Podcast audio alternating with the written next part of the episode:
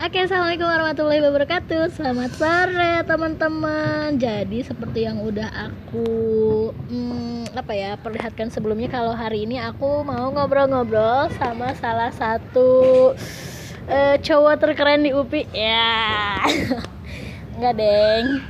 Tapi aku di sini nggak cuman berdua, ada supporter yang lain. Eh bersuara, yeay. Nah, hari ini uh, sebenarnya kalau misalnya teman-teman apa ya namanya mengikuti dunia perkampusan dan per peremaan mungkin teman-teman akan tahu sama sosok yang satu ini. Sosoknya itu adalah dia yang suka kalau ngupload tuh ngupload tentang yang puisi-puisi gitu ya nggak sih? Terus dia adalah mantan wakil ketua DPM Rema UPI tahun 2018 dan mantan Menteri KPSDO. Siapa lagi kalau bukan Kang Waf dan Ubaidillah Ridwan. Assalamualaikum Kang Waf dan. Waalaikumsalam. Iya, gimana gimana kabarnya setelah sudah lulus dan sudah resmi didemisionerkan ya? Gimana Kang? Sehat Kang? Ya alhamdulillah sehat. Oke. Okay. Uh, apa ya? Apa kesibukannya sekarang Kang? Sekarang kesibukannya kencengan dikit biar ini teman-teman sekarang sih paling masih bolak-balik ke lab ya. Oh lab, masih nge-lab. masih nge-lab di MIPA bantuin oh. dosen lah gitu. Ya. terus apa lagi? Apa ya paling nulis.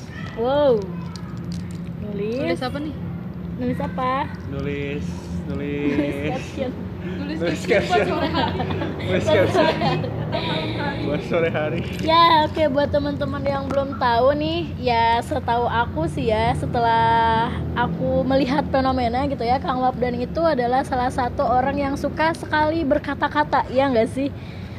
Kayak bikin puisi terus postingan-postingannya juga ya puitis dan itu tuh kadang bikin orang tuh uh, ngefans gitu sama Kang Wabdan sampai katanya kemarin pas waktu sidang sama pas waktu wisuda banyak banget yang ngejemput dan memberikan hadiah. Wow. Nggak sih, tapi aku nggak mau bahas itu dulu. Cuman kita awali dulu soal uh, tentang kebiasaan Kang Wab dan hobinya Kang Wab dan bisa dibilang ya nggak untuk menulis puisi. Nah, ngomong-ngomong soal puisi dan menulis puisi sebenarnya banyak tokoh laki-laki yang memang dia seneng nulis puisi. Kalau zaman dulu kan ada ya kang ya?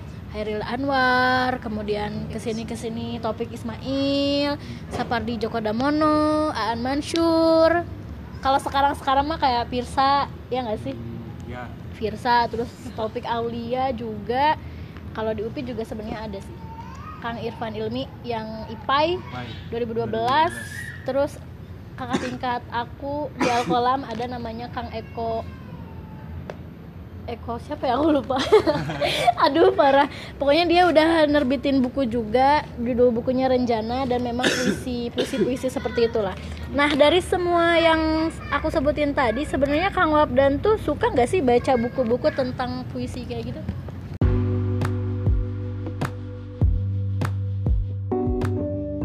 Oke, lanjut lagi ya. Sorry tadi kepencet. Nah, tadi pertanyaannya adalah uh, dari hobinya Kang Wakdan buat nulis puisi sebenarnya pernah atau suka nggak sih baca buku-buku puisi-puisi kayak gitu?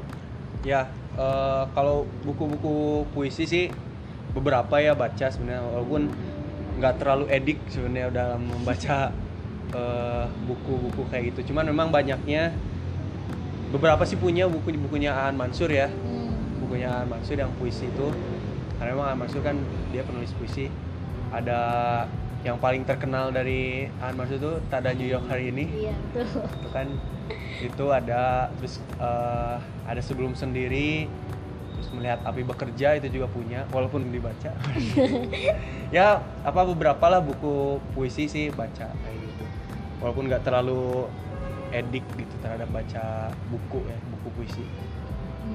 Okay.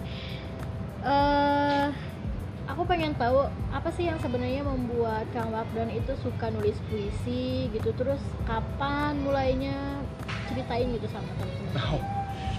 sebenarnya kalau tentang kesukaan terhadap eh, puisi ya itu mungkin pertama awalnya pertama kenal sama eh, puisi itu pertama bukan kenal sih kalau kenal kan mungkin sama guru juga dikasih tahu itu berarti kenal ya tapi Iya, lebih iya. ke mulai masuk gitu ke eh, suka itu dikenalkannya sama Umi gitu Siapa? Umi Oh, Masya Allah. Ya, karena Umi. Wow. Itu Karena.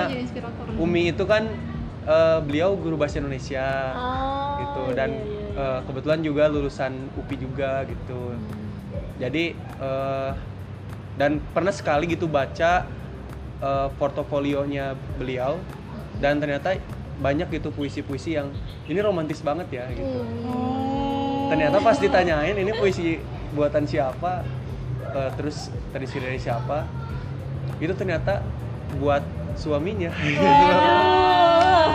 Jadi, ya.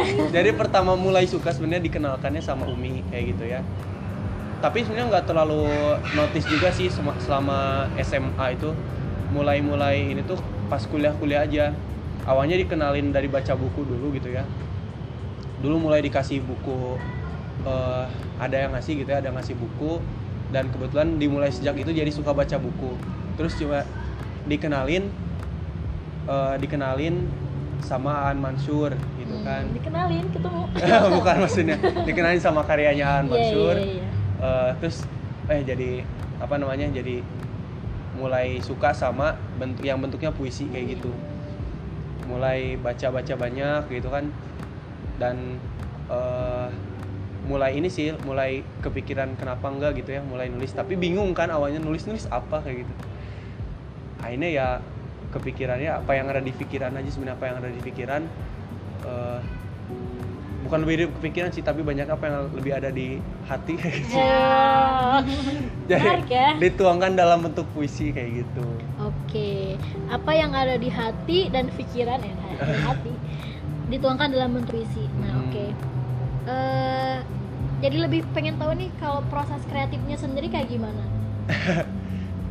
kalau dibilang kreatif sih sebenarnya Wafran termasuk orang yang nggak kreatif ya gitu Hmm. eh ya kalaupun sebenarnya ya tadi gitu yang Wafdan tulis kan kalau nulis biasanya Wafdan nulis di Twitter ya itu kan pendek-pendek kayak gitu itu kan pikiran-pikiran selewat kayak gitu eh itu kalau lagi kesambet aja sih Tapi kayak misalnya gini, or, eh, aku sering lihat puisi-puisi Wabdan tuh yang ngomongin senja, hujan. Oh. Nah, itu apakah memang melihat fenomena alam kemudian tiba-tiba terbersit Ya, gitu ya. sepuisi atau gimana gitu? ya sebenarnya kalau kaitannya kayak kata-kata puitis itu Hmm. itu memang dipengaruhi oleh aliran indie musik indie ya gitu Iya. kan aliran musik indie itu pertama denger kapan ya aliran musik indie denger ya pas kuliah-kuliah kan dulu mah mana tahu sih suka kayak gitu kemudian kuliah kuliah kuliah mulai kenal sama aliran aliran musik indie dan kata-katanya juga musik indie kan beda kayak gitu ya Iya. lebih ke puitis-puitis gimana gitu lah ya senja eh, apa namanya eh, yang kayak gitu. Ya mungkin dipengaruhi sama itu sih dan banyak buku-buku yang sebenarnya gini eh, kata-kata itu memang kata-kata yang Wafdan pakai itu banyak dipengaruhinya oleh dari baca ya dari dari hasil baca. Jadi sebenarnya baca suka suka suka buku kayak novel atau antologi puisi atau misalkan hal-hal yang berkaitan dengan sastra itu Wafdan sengaja baca untuk menambah diksi sebenarnya Oh, gitu Siap, siap, siap, siap. jadi nggak kan banyak tuh orang yang eh, beli novel karena memang suka ceritanya Hmm. kayak gitu. Terus ngefans sama ngefans sama tokohnya misalkan kayak gitu ya. Tapi Wafdan sih nggak kayak gitu ya. Baca baca sastra kayak gitu untuk nambah diksi sebenarnya. Baca puisi juga lebih ke pengen nambah diksi kayak gitu. Baca misalnya Aan Mansur. Bacaan Mansur itu nggak nggak Wafdan eh, nikmatin hayati gitu ya. Terlalu gimana gitu. Tapi lebih ke diksi yang dipakai apa aja sih nambah-nambah kata-kata baru gitu. Ada nggak sih kata-kata yang bisa kemudian diadopsi diambil? Terus kata-kata yang oh kok bisa ya kepikiran katanya sampai kayak gitu? Kemudian Wafdan coba menstimulus diri buat bisa nggak sih kalau kita ngehubungin apa yang ada di kehidupan sehari-hari kita apa yang kita lihat fenomena-fenomena alam kemudian dirangkai menjadi sebuah kalimat yang eh, enak didengar kayak gitu enak didengar dan maknanya juga kalau apa maknanya dalam kayak gitu. Ya sebenarnya bukan orang yang kreatif cuman pengen mengungkapkan apa yang ada di hati saja dan pikiran kayak gitu. Cuman di, dituangkan dalam bentuk eh, kata-kata kayak gitu Oke, jadi sebenarnya ya melihat sesuatu dan baca-baca buku juga ya, Iya. baca-baca buku referensi buat tahu banyak tips. nah, oke kalau tadi Umi itu menulis puisi untuk Abi ya, untuk suaminya. Sekarang aku jadi penasaran gitu. Ada nggak sih sebenarnya dari puisi-puisi Kang Wafdan itu yang memang ditujukan untuk seseorang atau sekelompok orang kayak gitu? oh gimana ya? Gimana ya? Hmm. ditembak kayak gini ya. Kan eksklusif ya cuma di channel aku gitu. Oh, Iya, gini sih. Kan denger. iya aduh. Iya ini kan nanti kita share jadi biar teman-teman tahu. Aduh. Beberapa sih terinspira eh, terinspirasi ya misalkan Nofdan nulis tentang pernah nulis juga tentang pendidik puisi tentang pendidikan. Yaitu Wabdan sengaja tujukan buat anak-anak eh, para pelajar kayak gitu ya. Bahkan juga eh, sedikit nyinggung tentang pembuat kebijakan gitu ya. Pemerintah juga sama kayak gitu. Tapi karena memang seringnya sih Wabdan nulis puisi tentang perasaan. Bucin sekali ya dipikir-pikir. ternyata. Eh apa ya? Mungkin gini sih lebih tepatnya eh Wabran tuh mencoba memposisikan diri menjadi seseorang. Hmm. mencoba memposisikan diri menjadi seseorang yang eh, sedang memiliki eh, perasaan gitu ya kepada orang lain kayak gitu. Perasaan kepada orang lain yang mana tidak bisa diungkapkan kayak gitu. Jadi semacam monolog aja gitu. Tapi bukan off dan sebenarnya itu. Iya benar. banget. Eh, tapi kan katanya itu dari hati ya itu ya nggak apa-apa lah nggak apa-apa. ya artinya gitu ya maksudnya mencoba memposisikan diri sebagai seseorang yang kemudian mempunyai perasaan terhadap orang lain gitu ya. Eh, dan di- hanya disampaikan lewat puisi saja gitu. Tidak di- tidak disampaikan secara langsung kepada orangnya kan kayak gitu. Tapi itu berarti sejauh ini puisi-puisi Wabdan ya belum ada gitu ya. Maksudnya ditujukan untuk orang-orang yang khusus atau memang ya katakanlah yang kedua sih sebenarnya yang yang orang-orang pengen tahu ini Bang Wabdan bikin puisi buat siapa sih? Gitu. sebenarnya gini kalau tujuan Nofran nulis sih bukan tujuannya ya bukan untuk orang misalkan nih misalkan Hmm. Nofran eh, membuat puisi eh, tentang seseorang misalkan misalnya tentang Hmm. seseorang Nofran nulis puisi sebenarnya bukan untuk seseorang itu tahu Hmm. tapi hanya lebih ke Wafdan ingin menuangkan saja gitu apa yang Wafdan rasakan kayak gitu tidak untuk ya orang itu tahu atau enggak dan lagian Wafdan juga sebenarnya eh, kan kalau bikin puisi tuh misalnya orang di Twitter nih ya Hmm. itu sepenggal aja gitu sepenggal. Sepenggal sepenggal dari beberapa puisi yang Wafdan bikin gitu. Ya tujuannya sebenarnya bukan biar orang itu tahu sih gitu cuman lebih ke ya Wafdan nulis aja lah bodo amat dia mau baca mau enggak mau dia ngerasa kayak mau dia enggak ya bodo amat lah gitu ya. Yang penting Wafdan nulis buat Wafdan aja kayak gitu. Siap siap iya. tapi eh, Kang Wabdan tahu nggak sih sebenarnya beberapa puisi dan kata-kata romantis itu memantik ya sesuatu dari para perempuan-perempuan yang ada di UPI gitu khususnya. Dan itu yang pertama sampai ya aku lihat di ada akun info FMIPA tuh ya sering kali lah gitu maksudnya UPI, me- semua ya. mempost tentang Kang Wabdan artinya dari puisi itu mungkin memantik sesuatu. Nah aku pengen tahu gimana sih tanggapan Kang Wabdan soal itu? Eh, gimana ya? Seneng, seneng. Wafdan sih lebih ke ya gini kalau puisi yang Wafdan bikin kemudian mendapatkan apresiasi dari orang gitu ya. Ya Wafdan pikir seseorang wajarlah seseorang kemudian merasa senang ketika karyanya mendapat apresiasi ya dari orang lain gitu. Walaupun ya sekali lagi tujuan Wafdan buat nulis sih lebih karena itu untuk Wafdan pribadi ya ingin menulis saja gitu menuangkan. Iya betul betul. Ketika memang puisi hmm, atau tulisan yang Wafdan bikin itu eh, kemudian orang lain suka ya alhamdulillah gitu ya. Ya bagus lah memang kalau memang suka gitu. Cuman Wafdan sih nggak lebih ke ya sudahlah kalau orang lain mau menangkapinya seperti apa Mm-mm. itu urusan mereka kayak gitu silahkan saja gitu. Kan sering juga tuh banyak yang eh, ini apa eh wah ini Kang Wafdan lagi Kang Wafdan lagi suka ya sama seseorang kayak gitu kan ada juga yang kayak gitu ya Iya, iya. atau misalkan Kang Wafdan lagi. Kang Wafdan lagi kangen sama seseorang Kang misalkan lagi rindu lagi galau lagi Oh, oh, ya galau misalnya kayak gitu ya. Ya, Wafdan sih lebih ke ah ya udah itu mah orang lain saja gitu kan hak orang lain ya untuk menginterpretasikan gitu. Bukan kewajiban Wafdan juga kemudian untuk eh, bikin orang lain benar-benar ngerti apa yang Wafdan pengen tulis gitu. Hmm, gitu. Kayak gitu aja sih. Ya kalau misalnya ada orang lain yang kemudian seneng baca tulisan-tulisan Wafdan ya alhamdulillah sih, eh, itu apa namanya dan mengapresiasi ya Wafdan senang aja gitu kalau memang ada yang suka gitu dengan tulisan-tulisan. Oke, ini mungkin permintaan dari aku terakhir sebelum kita tutup eh, diskusi kita, diskusi ngobrol kita ya. Aku pengen request Kang Wafdan membacakan sebuah puisi yang Kang Wafdan sudah tulis sendiri. Waduh. Yang terakhir di posting di IG-nya bersama tapi sayangnya ini eh, pasangan Anda bukan seorang perempuan, ini malah sahabat saya ya, sahabat Fauzan Irfan.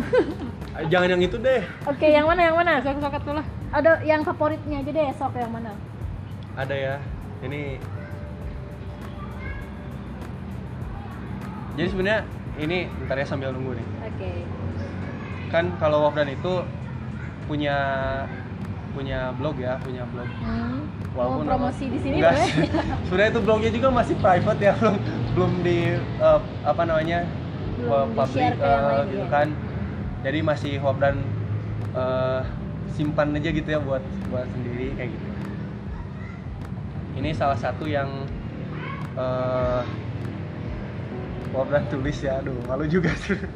Sebenarnya Wafdan eh, tidak apa termasuk orang yang kurang pinter ya baca puisi. nggak apa-apa pasti bagi yang lain mah tetap seneng ya aku deketin ya Oh iya. Judulnya Pelabuhan ya. Pelabuhan. Pelabuhan atau pelabuhan Judulnya Pelabuhan. Seperti purnama bertudung kabut, kerinduan dilingkupi kata paling romantis, yaitu keheningan. Kau tak pernah sadar, hadirmu tak selalu tentang bertemu, namun dalam jarak, hati kita saling bertamu. Mengetuk masing-masing nalar untuk membuka pintu rasa, saling menunggu dengan deru- dengan degup jantung tak menentu. Bila hidup laksana laut, aku mengarungi waktu untuk mencarimu sebagai pelabuhan. Melawan badai menerjang karang, aku tenggelam dalam pengorbanan. Aku rela hanyut dalam kecemasan. Aku mencarimu, yang menantiku dengan nyur dan deru ombak yang menyisir membelai halus di pinggir pantai.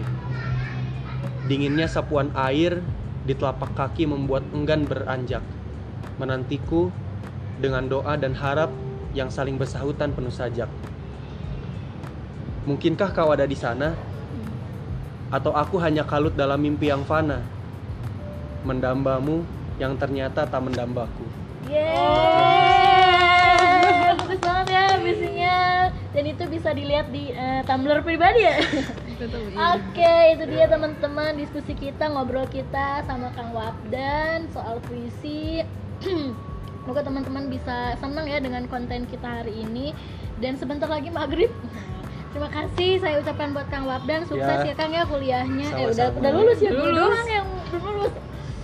Sukses eh, aktivitas setelah kuliahnya, Amin, labnya semoga amin. dilancarkan dan teman-teman jangan bosan buat dengerin podcast dari aku. Assalamualaikum warahmatullahi wabarakatuh. Waalaikumsalam warahmatullahi wabarakatuh.